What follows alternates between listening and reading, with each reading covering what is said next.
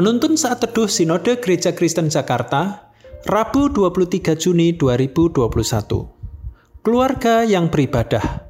Yosua 24 ayat 14 sampai 15. Oleh sebab itu, takutlah akan Tuhan dan beribadahlah kepadanya dengan tulus ikhlas dan setia.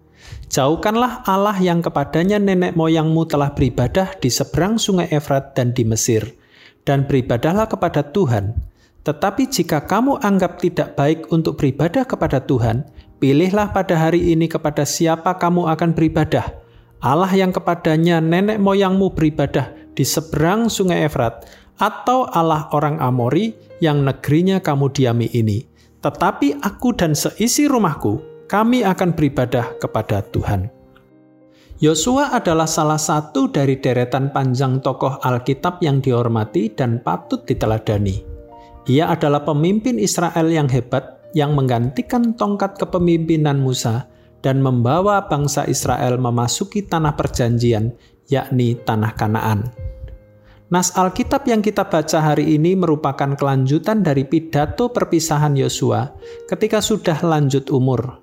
Lama setelah orang Israel telah berhasil memasuki dan menikmati tanah perjanjian, Isi pidatonya mengajak kembali orang Israel pada generasi yang baru untuk terus berkomitmen setia hidup menurut hukum Taurat dan menyembah Allah.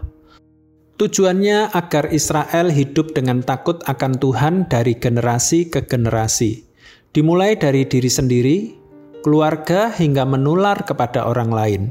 Yosua memberikan pilihan kepada orang banyak untuk mengikuti Allah yang setia, menuntun mereka memasuki tanah Kanaan, atau ilah-ilah palsu yang tidak ada bukti kuasanya. Ia bersama keluarganya berketetapan hati untuk setia menyembah Allah Israel.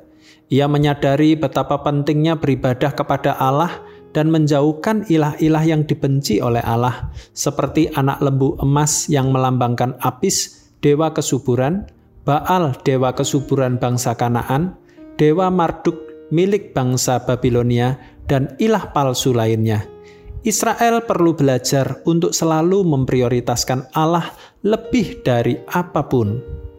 Keluarga Kristen adalah keluarga yang membangun persekutuan mulai dari ayah, ibu, dan anak-anak yang telah percaya dan menerima Yesus Kristus sebagai Tuhan dan Juru Selamat pribadi.